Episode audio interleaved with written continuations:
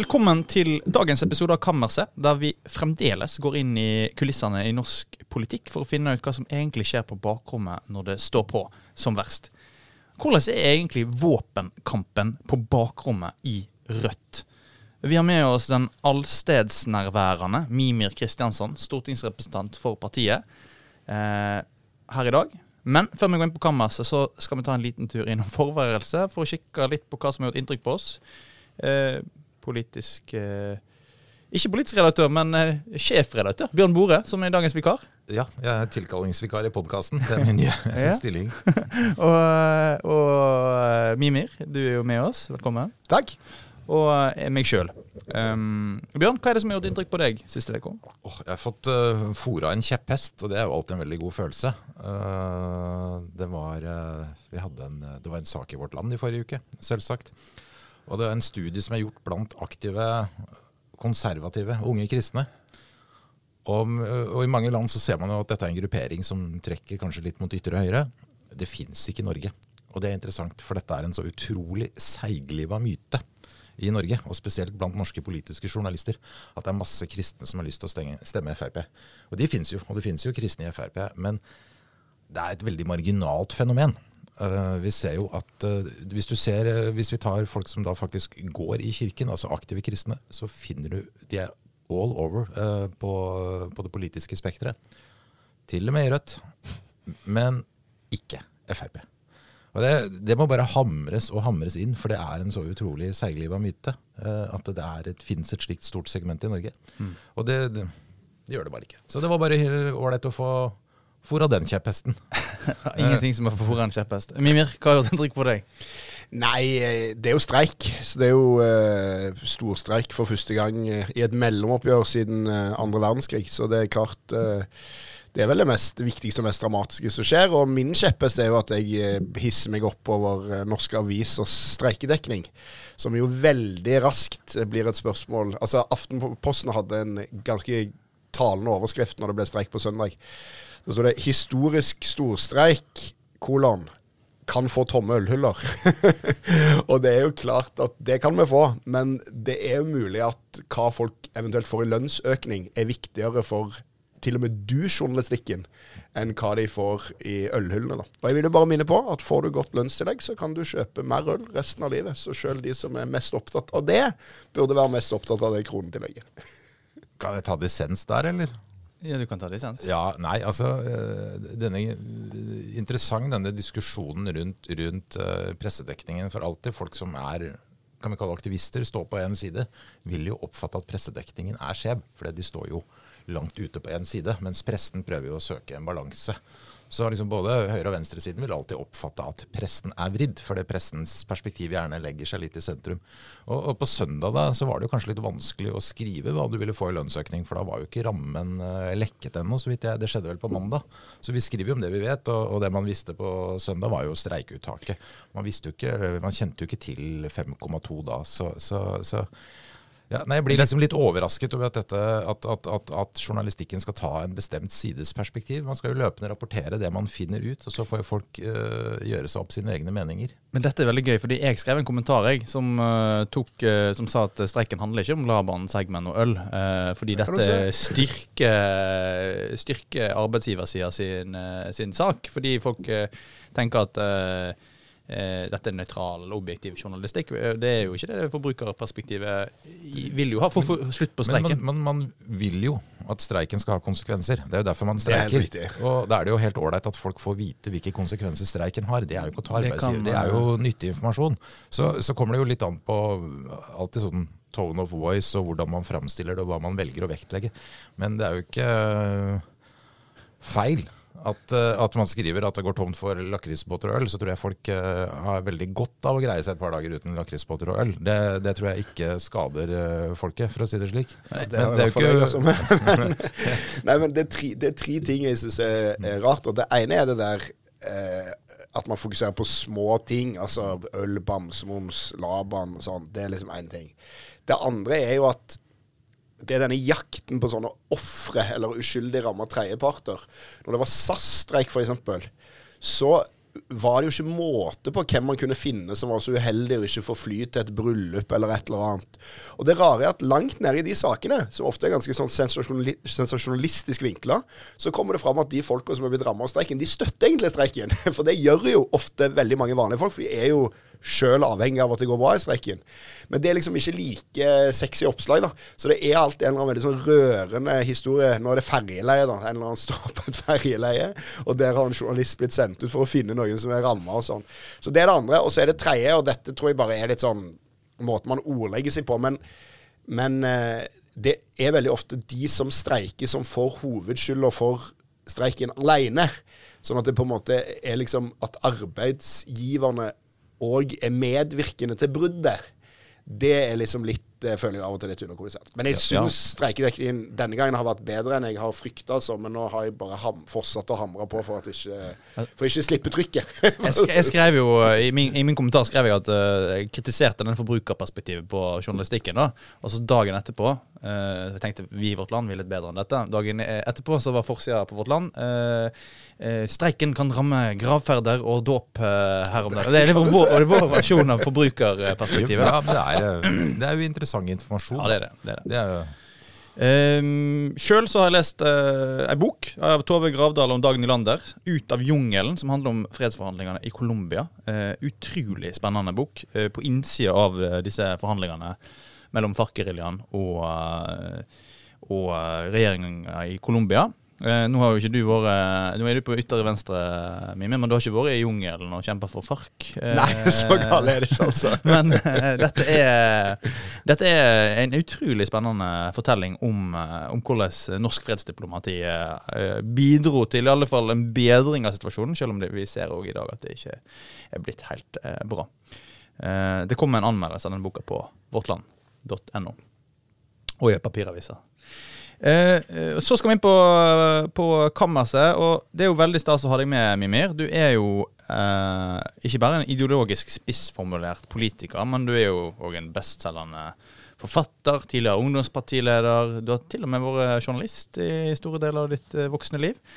Eh, nå er det landsmøte i, i, Rødt til helga. Dere skal stemme over mye forskjellig politikk, men en av de tingene som interesserer offentligheten aller mest, er jo spørsmålet om våpenhjelp til Ukraina. Kan du ta oss med inn på bakrommet i den eh, kampen? Altså, Diskusjonen om norsk våpenstøtte til Ukraina det er jo en del av en sånn større eh, sakskompleks som har skapt veldig mye problemer for venstresida, både SV, men særlig for Rødt. da.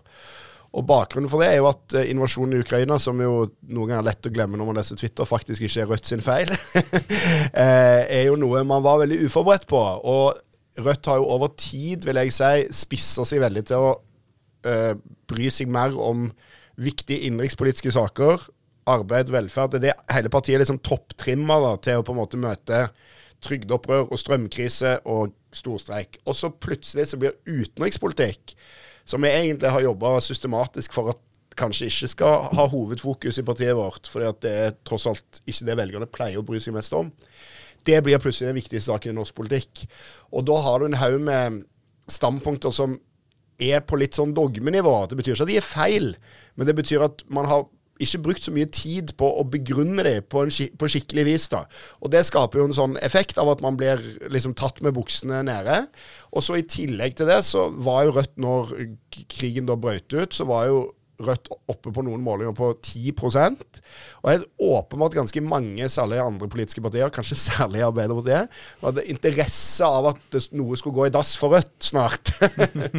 så da på en vi har òg en god del eh, motstandere eh, i både politikk, media og andre steder som har grepet alt det der begjærlig. Og så er partiet splitta, egentlig ikke om eh, på en måte de store spørsmålene om liksom motstand mot Putin, heller egentlig ikke om Nato, skal vi snakke litt om senere, skjønte jeg, men om dette med norsk våpenstøtte. Og Der gikk jo partiets sentralstyre inn for det først. Og så eh, har det kommet egentlig et sånn lite grasrotopprør eh, til å begynne med, men så ble det eh, forstørra og forsterka helt ekstremt ved at NRK Debatten bestemte seg for å lage en slags Rødt spesial om eh, våpen. Og det tror jeg de aller fleste i Rødt eh, skjønte at var litt sånn shitshow.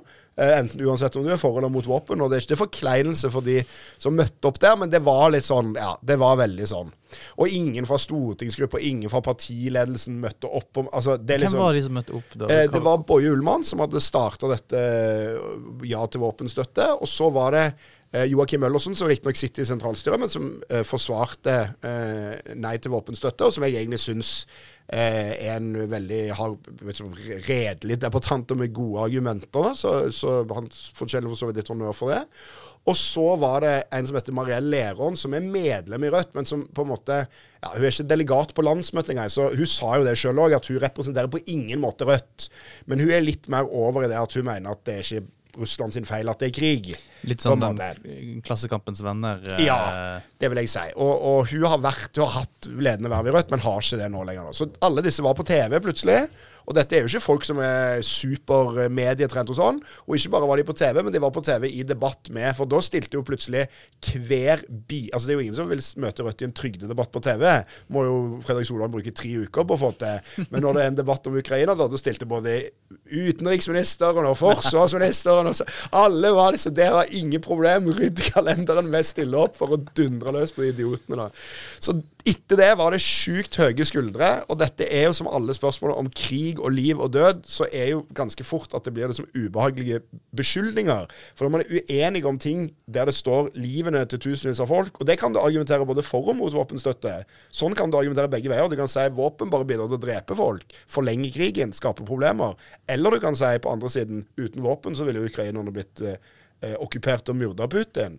Men det gjør jo at det er ganske vanskelig egentlig å ha en sånn forsonlig debatt, at det er så utrolig harde ting som står på spill. da.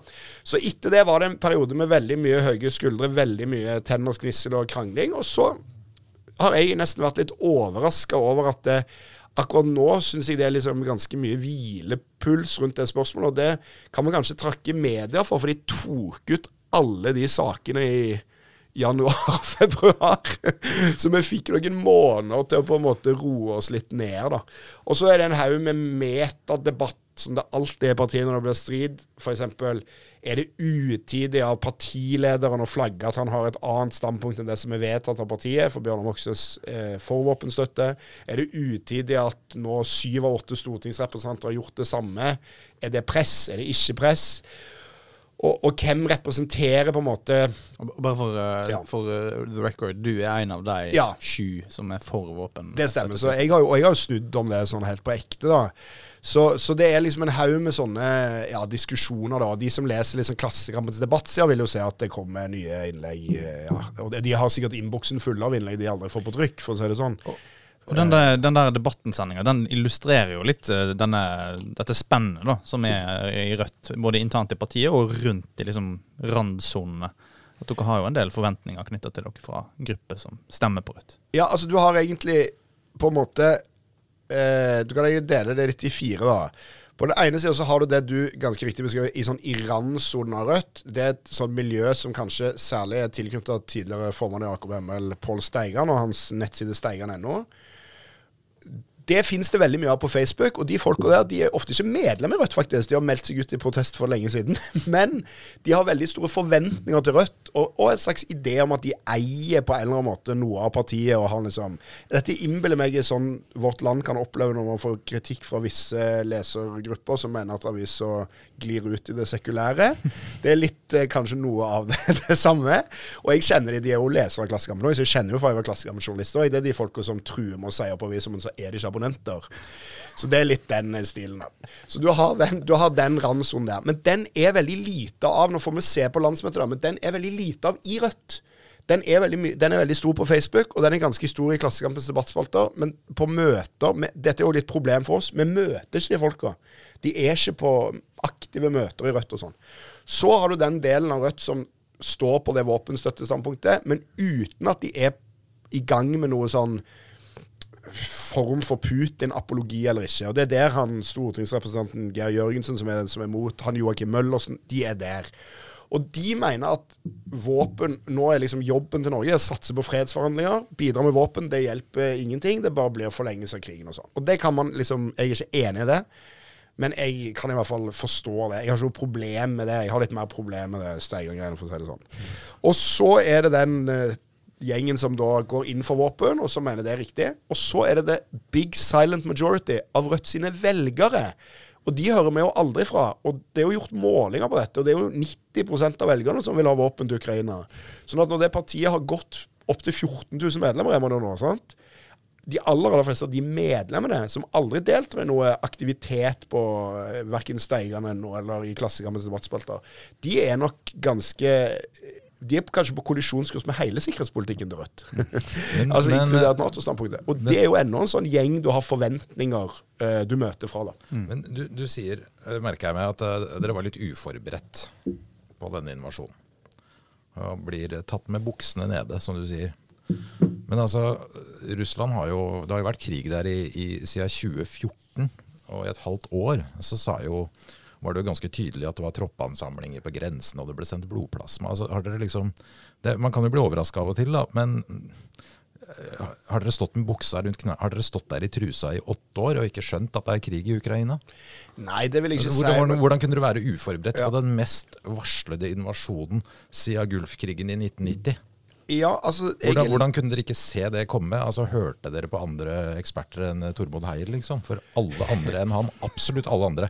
Alle som hadde tilgang til etterretningsdata, satellittfotografier, signaletterretning etc., visste at det ville komme en innovasjon. Og så står man der da og sier oi, dette kom litt overraskende. Dette må ja, jeg, altså, jeg er ikke enig i det. Altså, min oppfatning er at det var ganske få som var sikre på at det ble fullskala invasjon. Uh, og det kom riktignok etterretningsrapporter og den type ting, men jeg har inntrykk av at det kom som et sjokk på veldig veldig mange. Og at Rødt ikke er alene om å bli sjokkert. Altså, Logikken i det Putin gjør, hva, hva er liksom endgamen hans? Hva vil han oppnå? Tror han han kan vinne den krigen? Hvordan da?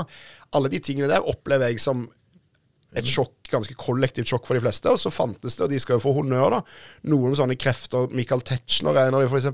Nils August Andresen, som var hadde andre standpunkter. Men min oppfatning var at det var ganske kollektivt sjokk. Men så er det noe som jeg kan gi deg rett i, som er liksom et problem med Rødt. da. Nå har Rødt hatt masse diskusjoner om, eh, om den eh, både Krim-annekteringen og borgerkrigen eh, i Ukraina, som ikke er en borgerkrig, men som er russisk på en måte støtta.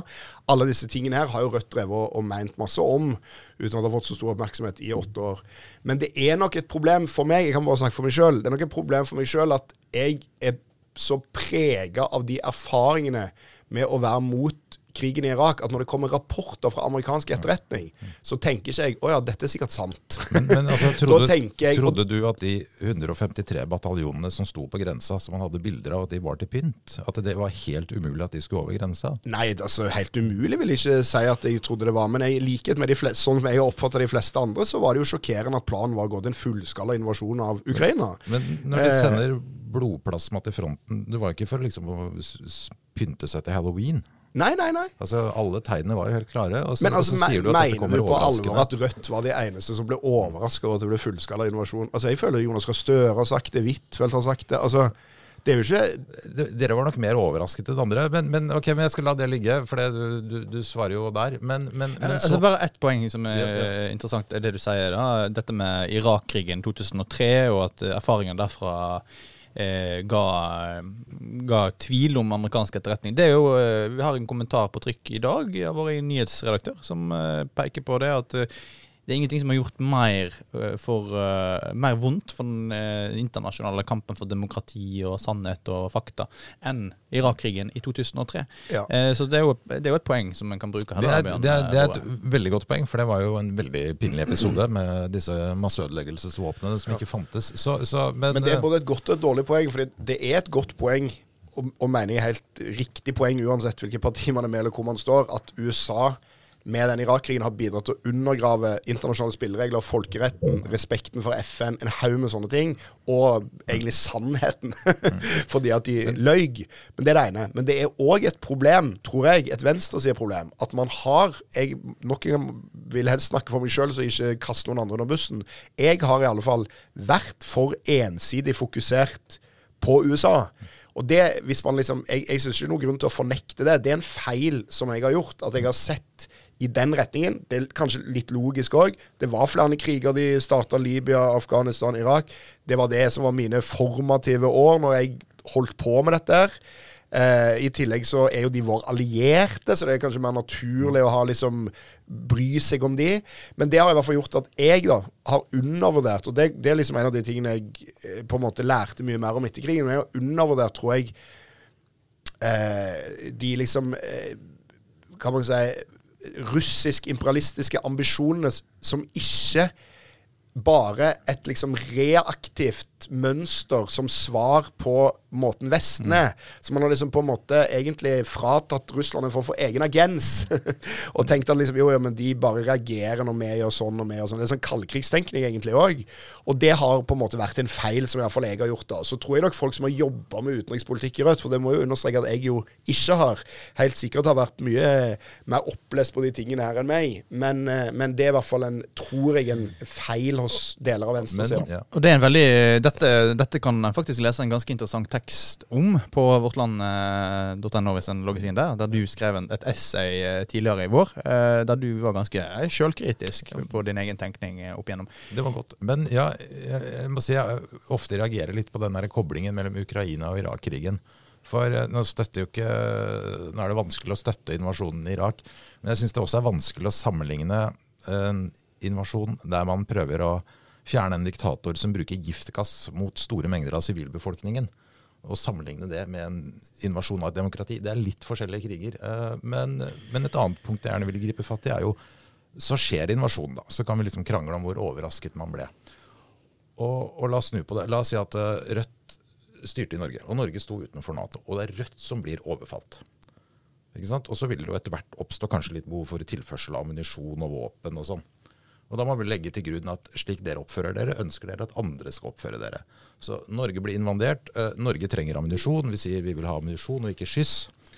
Og så setter hele Europa seg ned og sier nei, nå skal vi ha et indrepolitisk seminar, for vi har ikke lyst til å bli innblandet i stormaktenes krig. og Nei, herre, våpen er farlig osv. Altså, ville du vært fornøyd med at eh, Sverige og Tyskland og Storbritannia skulle brukt et år på å bestemme seg på om de skal gi våpen til Norge ved en invasjon? Altså, Hvorfor øh, det bryter ut en krig, og så starter man et indrepolitisk seminar som du beskriver nå endelig har fått lav hvilepuls. Altså Det er ikke lav hvilepuls i Bakhmut, i skyttergravene der. Hvorfor, Nei, men- hvorfor har dere så utrolig god tid mens folk dør? Men altså her, her tror jeg det er en veldig vanlig misforståelse. Det er ikke sånn at Rødt ikke har bestemt seg. Rødt tok en beslutning ganske kjapt. Vi var mot våpen.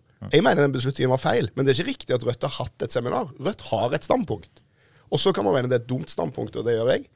Men poenget her er at grunnen til at det nå er en omkamp om det standpunktet, er jo fordi Rødt har landsmøte nå. Det er jo det. Så enkelt er den forklaringen. Og så er spørsmålet Betyr det at Rødt har hatt et indrepolitisk seminar i ett år for å bestemme hva vi mener? Nei. Vi bestemte hva vi mente.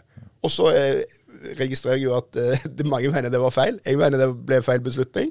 Men det er rett og slett ikke riktig at man da tenkte nå har vi et år på å bestemme oss her. Nei, man tok det standpunktet. Man mente det var riktig av Norge å gjøre. Og så er det heller ikke riktig. Og dette er liksom eh, på en måte nå, Altså, jeg er for at Norge skal sende våpen, så nå blir så sitter og argumentere mot mitt eget standpunkt. Men Rødt er jo ikke motstander av at andre land sender våpen. Og det høres ved første eh, ved første liksom eh, Når man først hører det, så høres det ekstremt hyklersk ut. Men, og jeg er som sagt ikke enig i det, men det finnes grunner til at no, ulike land skal oppføre seg ulikt i måten man støtter eller ikke støtter Ukrainas uh, forsvarskamp på. Så det finnes jo en haug med land i Europa som ikke sender våpen. Og de har ulike grunner for det. Det finnes Nato, Østerrike, Irland vel. Og så er det masse land i resten av verden som ikke vil det. Og det er jo litt mer naturlig, for det er jo langt vekke, og hva skal de blande seg inn i Europa? Altså det er litt lettere å tenke sånn når man er Brasil. Men, men Norge har f.eks. noen tradisjoner knytta til eller kanskje en idé, eh, naivt vil jeg si, da, men kanskje en idé om at Norge skal spille en slags brobyggerrolle overfor Russland, et eller annet sånt. Så det kan finnes argumenter for at Norge ikke skal sende våpen, men at andre land skal det. Og det har jo vært linja til Rødt. Rødt har jo ikke motsatt seg. Rødt har jo til og med gått inn for at vi kan sende penger til Ukraina som de kan kjøpe våpen for fra andre land. Men altså, jeg må jo bare si det. Jeg mener jo i lengden at den der linja der ikke holder. Det er derfor ja, jeg har men skifta mening. du er jo for våpeneksport. Ja, men poenget, det er på en poenget, mitt måte- er jo, poenget mitt er jo på en måte hvilken reaksjonstid uh, dere legger opp til.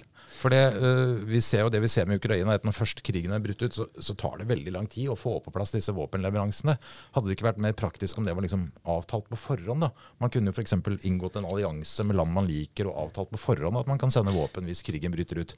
Man kunne jo kalt det Nato, f.eks. Det ville vært veldig praktisk, så vi slapp å ha disse seminarene etter at krigen er et faktum. Men Norge hadde jo, altså, Nå er det jo en stor diskusjon om hvorvidt den linja Norge har hatt altså Er det riktig at Norge har hatt en linje som tilsier at man ikke skal sende våpen til Ukraina? Sannsynligvis er jo ikke det riktig, for det er jo ikke våpeneksport, dette her. Det er jo våpendonasjoner. Så det, det argumentet mener jeg ikke holder. Men det er nå ikke mer rart enn at både Jens Stoltenberg, Anniken Huitfeldt og Jonas Gahr Støre har sagt at vi har gjennomført en snuoperasjon i norsk politikk og begynt å sende våpen til land i krig for første gang noensinne. Sånn at Det er jo ikke sånn at andre partier var klare på Ukraina var jo ikke med i Nato uansett. Så det er jo ikke sånn at det hadde forandra noe. Nato, Norge var med i Nato, ikke med i Nato. Altså I denne situasjonen her så ville man måtte endre politikk ganske raskt. Og det er jo det regjeringen og stortingsflertallet mener den har gjort. Endra linje, begynt å sende våpen til et land utenfor Nato som er i krig. Og nå er spørsmålet du skal på Rødt landsmøte i helga. Jeg skal òg dekke det Ja. for vårt land. Eh, hva skjer der? Blir det ei endring, sånn som du leser det? Ja, jeg tror det. Men altså, det er, to, det er et par ting å vi- vi vite om Rødt. Fordi at Rødt er for det første et grunnleggende eh, antiautoritært parti. Jeg vil si at mange av oss som er med i Rødt, vi lider av noe som jeg kaller for opposisjonell atferdsforstyrrelse. og det gjør f.eks. at når ledelsen mener noe, så i andre partier så pleier det å være et slags argument for at det blir sånn. Men i Rødt så er det kan det kanskje være et argument i motsatt lei, og det er litt sånn skummelt, syns jeg, da. Så det er det ene. Det andre er jo at Rødt har jo ikke hatt et fysisk landsmøte på fire år pga. korona. Og på den tida så er vel medlemsmassen dobla, om ikke tredobla. Så hvem faen er de folka? Det er ikke meningen å banne på Language. men hvem er, men hvem er, de, hvem er de menneskene, sant? Og det, og det er jo veldig overraskende. Og så har Rødt en utrolig merkelig delegatnøkkel, som gjør at alle Rødt-lokallag, alle som har tre medlemmer eller mer, kommer med én delegat, og de største lagene får bare to. Og det er bare et knippe eh, lokallag som har to. Stavanger har f.eks. to, mens noe som heter Stavanger Studentlag, da, som har seks medlemmer, de har én. Og det gjør at det er ekstremt vanskelig å lese salen sånn på forhånd. For det, det er ikke vært liksom fylkesårsmøter der man har vedtatt disse 20 skal komme fra Rogaland, og disse 10 skal komme fra der, og sånn og sånn. Da hadde man jo hatt en liste med navn der folk kanskje hadde klargjort hva de mente, og man hadde fordelt det, eller, eller gjort sånn som i Rogaland KrF, da, at den ene sida bare kuppa hele greia og sånn, det, hvis man husker det. Men, men, eh, men poenget bare er at, eh, at eh, Så det gjør det veldig vanskelig. Men det fylket som har vært hardest mot våpen, Nordland, der han stortingsrepresentanten Geir Jørgensen er fra, der et sentralstyremedlem som heter Sunne Bjørbæk, som er veldig aktiv i denne debatten, er fra, der viste det seg jo på fylkesårsmøtet at flertallet var for våpen.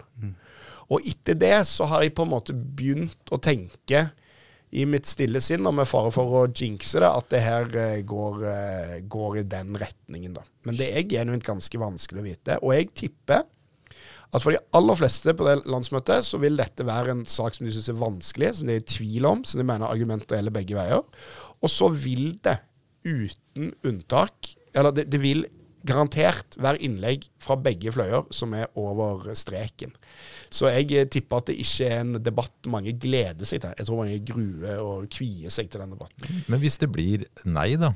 Hvordan blir det å, å sitte i ledelsen i Rødt og, å, og være uenig med eget parti i kanskje det viktigste spørsmålet i vår samtid? da? En stor krig i Europa. Ja, altså Er, vil det være enkelt? Ja, nå eh, sitter jo kanskje ikke i ledelsen vet, Nei, nei, men, eh, du sitter på Stortinget. Ja. da. Nei, altså, jeg le lever med det, jeg, altså. Enkelt er det jo aldri å være uenig med partiet sitt om ting, og i hvert fall ikke når det er viktige ting. Men jeg har jo levd med dette standpunktet Altså, Rødt har jo hatt dette standpunktet, og har det ennå. Så jeg har levd med det standpunktet i, i over et år, jeg.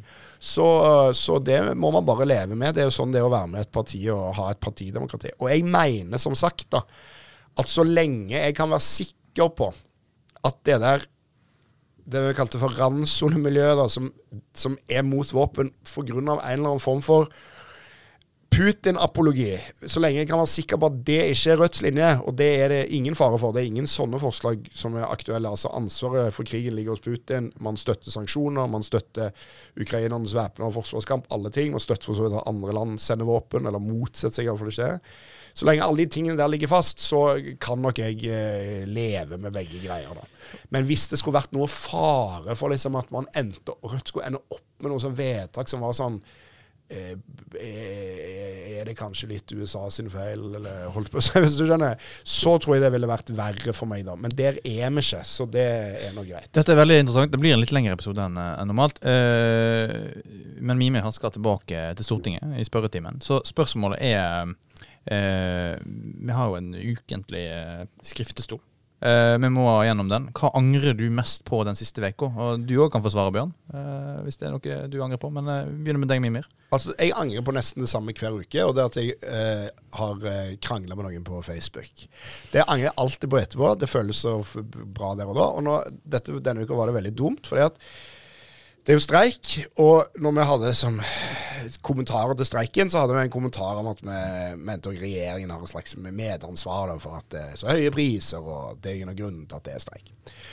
Og så skrev Kirsti Bergstø, leder i SV, et innlegg der hun kjefta litt på Rødt pga. det. Og da var jeg dum nok til å svare på det i det kommentarfeltet. Og det var ikke det at jeg ikke står for det jeg skrev, men problemet var at da var det jo en eller annen journalist i Klassekampen som selvfølgelig plukka opp det. Og han gjorde jo bare jobben sin, han. Og nå er det forsidesak i aviser Rødt og SV i strid om streiken. Så hvis jeg bare hadde klart å ha litt bedre impulskontroll eh, på, i det kommentarfeltet, så kan det jo hende at Klassekampen ikke hadde oppdaga den striden mellom Rødt og SV. Så hadde vi sluppet hele det oppslaget der. Bjørn, angrer du på noe? Dette er jo litt klysete å si, men denne uka sliter jeg med her. Hvis jeg skulle, hvis du skulle liksom dratt 53 år tilbake i tid, så, så, så, vil du finne et langt synderegister, og det er avgjørelser som uh, får meg til å ville dra ut håret. Men, uh, men akkurat nå sleit jeg, gitt. Så du, du, tok meg der. Ja, men det, ja, jeg, ingenting er som å ha en sjef som ikke angrer på noen ting. Eh, jo, jo, jo. Titt ofte. Jeg bare fant det ikke. Det har vært en litt rolig, litt rolig uke. Sånn har vi det her, sånn har vi det her i vårt ja, land. Litt, litt, lav hvilepuls. Jeg, eh, jeg, jeg, tar ditt eksempel, eh, Bjørn, og så går vi videre på mye mer spørsmål knytta til um, eh, altså, mange i Arbeiderpartiet, du var inne på det sjøl, mange i Arbeiderpartiet som er redde for Rødt. Mm. Uh, og Eh, I fagbevegelsen, som nå er viktig eh, knyttet til streiken, så ser vi jo at Rødt og SV eh, tar stadig større markedsandel av de fagorganiserte. Der Arbeiderpartiet tidligere har vært, hatt et hegemoni. Er, er, liksom Rødt i ferd med å bli det nye Arbeiderpartiet og sosialdemokratiet helt stående for fall? Nei, så enkelt tror jeg ikke man kan si det. Altså Arbeiderpartiet har jo vært i en sammenhengende egentlig nedgangsperiode i hvis man skal dra virkelig langt tilbake altså Toppnoteringen var i 1957. og så går det liksom i bølger opp og ned, da. Men partiet faller for så vidt egentlig ganske jevnt hvis man deler det inn i liksom tiårskohorter helt fram til i dag. Og så er spørsmålet er bånd nådd nå, eller får de liksom, løfter de seg opp enda litt mer. da. Det som er skummelt for venstresida, er jo at altså, det, er jo mange, det er jo ingen enkeltparti som lykkes i å være det nye Arbeiderpartiet. Og alle prøver jo. Frp har jo prøvd det, Høyre har prøvd det, eh, Senterpartiet har prøvd det, Rødt og SV prøver det helt åpenbart. Og vårt problem på venstre er at vi får jo en del av den, eh, de velgerne over til oss. Og for eksempel særlig i fagbevegelsen vil jeg si at Rødt er veldig sånn type styrka. da. Men ganske mange av de velgerne de setter seg enten på gjerdet, gir opp politikk totalt, det er jo de fleste. Eller så kan de gå til høyresida fordi de er misfornøyd med regjeringen. Så vi sliter jo litt der, da. Men vi, vi kommer jo på en måte ikke unna at Altså det med, det med sosialdemokrater så det med damer, da. Det er vanskelig med dem, men det er umulig uten, liksom. Så på en måte eh, man, må, man, må, på en eller annen måte klare å Det vil jo være et konkurranseforhold der, helt åpenbart. Eh, og vi er jo òg interessert i å eh, utfordre Arbeiderpartiet, og selvfølgelig òg er jo vi interessert i velgerne, som er interessert i velgerne til alle partier. på en måte. Men det er, det er liksom ingen, ingen overskuelig framtid. Jeg ser for meg at liksom Venstre ser Norge skal klare å stable på beina noe flertall uten Arbeiderpartiet. Selv om de har målinger på 18-19 liksom. Men, men, men fins den posisjonen? For alle disse store partiene i Europa er jo ikke det lenger. De ble jo bygget opp etter krigen. Da du skulle samles, og man skulle gjenoppbygge en verdensdel. Og, og, det fantes ganske store grupper som hadde sammenfallende interesser. Det fantes ganske store arbeiderklasser og litt mindre middelklasser. Fins det en posisjon i dag? Er det mulig å lage et, eh, et venstresideparti med, med, med 30-40% oppslutning? Som ikke vil liksom havne i en spagat mellom lilla velgere og, og hotellansatte? Ja, Det er et veldig godt spørsmål. Jeg tror eh, ikke at det er umulig, jeg tror, men jeg tror det er veldig vanskelig. Altså, i Svenske sosialdemokratier har jo over 30% nå, f.eks. Og så, så, jeg tror det Og det er ikke lenge siden altså, Danske sosialdemokratier har tradisjonelt ligget litt lavere enn det norske, da, men de også, går det ganske bra med. altså. Så, så generelt, så, så tro, altså, sånn teoretisk så tror jeg det er mulig. Men utfordringen er jo, som du sier, er at det, man blir tro, det, Dette er Arbeiderpartiets store problem. At når Arbeiderpartiet hadde krise sist i 2001, så var det fordi de hadde gått til høyre altfor langt, og så gjorde de om på det, og da kunne de vinne tilbake. Men se hva som skjer nå. Nå eh, var det Senterpartiet som holdt på å true de, og til og med vårt største parti på en måling. Da gikk de i en sånn bygderetning, og fikk vunnet tilbake en del velgere fra Senterpartiet. Og Hurdalsplattformen syns jeg egentlig bærer veldig preg av det. Det var viktig for dem. Men ikke før hadde de gjort det, før de plutselig begynner å miste grep om storbyene, der de blir utfordra. Så får de noen sånn klimagreier fra MDG, og de selvfølgelig reagerer på det da, og skal prøve å bli klimabevisste. Ja, men da er det en haug med velgere i industrien som forsvinner til det nye industripartiet. Så på en måte de altså Problemet til sosialdemokratiet er jo at de mangler Altså, jeg, det, De mangler De har jo heller ikke et prosjekt som de prøver å samle alle disse gruppene rundt lenger. Det er det jeg eh, Og Arbeiderpartiet Det er jo slemt å snakke stygt om andre partier, men av og til så får jeg inntrykk av at Arbeiderpartiet er et slags direktorat. De, de, megler mellom ulike interesser. De har ingen egen interesse. De får bare si Der er det, en, er det liksom en, noe manko, da. Og der Men altså jeg tror ikke vi skal liksom slå oss på brystet i Rødt og være jævlig fornøyde med at Ja, nå banna jeg igjen, beklager. Men at Rødt, to gule kort. to gule kort at Rødt har, altså, Rødt har liksom 6 oppslutning, og det er veldig bra historisk for Rødt. Men det blir ikke noe rød-grønt flertall av, av 6% er Rødt og 9 til SV. Så at vi, vi er avhengig av at noe skjer her for å komme ut av den dynamikken vi er i nå. Vi, vi, må videre, for vi er jo interessert i mer. Og denne banningen eh, fører oss over i en, eh, i en annen ting. Jeg har lagt noen oppslag her, eh, skrevet ut noen oppslag og lagt de foran deg på bordet. Der det bl.a. står at uh, bilde av deg og står det 'har fått øynene opp' uh, for Bibelen, forsida i Vårt Land, uh, i, i, fjor. Det var vel en av våre mest leste saker. Ja, det var det. Uh, og der, der, er det et intervju med deg der du fryktet ateistisk renhetsideal. Og du har vært ute på flere saker der du har egentlig brukt en retorikk som jeg eh, gjenkjenner fra eh, Kristelig Folkeparti sine talepunkter. Eh, så, så, så, spørsmålet er jo litt sånn eh, Norsk politikk i dag, tru, politikk, eh, religion eh, Hvis venstresida vinner fram, hva livssynspolitikk vil du få da? Det, altså, det, det, dette synes jeg er et litt interessant spørsmål. fordi hva er livssynspolitikk? Fordi at For noen kristne velgere så er jo livssynspolitikk primært abortsaken og Palestina-spørsmålet. Og hvis det er det, så er det jo ikke så mye å hente på venstresida. Det, det er jo bare, Så ærlig må man jo bare være. Men jeg mener jo at vi er nødt til å ha en venstreside som er tolerant overfor religiøse. Og det har vi ikke alltid hatt, langt derifra. Men det innebærer f.eks. at eh, Evangeliesenteret, som driver et eh, kjempeviktig tilbud overfor eh, Oslos fattige, f.eks. Det er ingen grunn til at Venstre skal være ute etter å kutte i noe tilskudd eller ødelegge for de Venstresida, ja. ja. ja. Eh, og det har jo heldigvis ikke skjedd. og Rødt er jo nå på, har vært blant de som har ivra for at de skal få mer penger nå. da. Og, og, det samme gjelder med Frelsesarmeen, som òg selvfølgelig gjør en sånn kjempejobb. da. Og Man må jo ha en forståelse av at alle ikke mener nøyaktig det samme som en sjøl. Jeg, altså, jeg er jo ikke kristen, og det tror jeg ikke jeg kommer til å bli. Men, men jeg vil ikke egentlig ha et samfunn der alle har samme livssyn som jeg. Og jeg er bekymra for at man har eh, fått en sånn ganske sånn Altså Det er to ting jeg er bekymra for. Det ene er at man har fått mer nyliberalismen da, så har fått en ekstrem individualisme i samfunnet, som gjør at det er veldig lite fellesskapsverdier, veldig lite regler, normer, tradisjoner. Alle sånne ting er litt sånn gammeldags. Det er litt sånn gjør hva du vil, eh, og ikke skam deg uansett. Det må da være skamløs, da. Men det er jo ikke alltid så bra, det der. Skam har jo en viktig sosial funksjon. Så, og der har jo venstresida og de kristne egentlig felles sak. Vi er interessert i å tøyle dette her. Det er jo veldig ofte knytta til tøylesesmarked, så alt kan kjøpes for penger. Så det er det ene. Men det andre jeg er bekymra for, er jo at man har fått en litt sånn aggressiv ateisme, eller sånn sekulær holdning der. Man skal liksom på en måte drive alt som handler om tro, nesten ut av det offentlige rom. Marginalisere det, holde det borte, alt mulig. Og det syns jeg er problematisk, da. Så, og, og, jeg vil jo bare, altså jeg vokste opp i en by i Stavanger på 90-tallet som var veldig, ennå var veldig kristen. Det var veldig kristent. To, to unge morgenbønn på offentlig skole.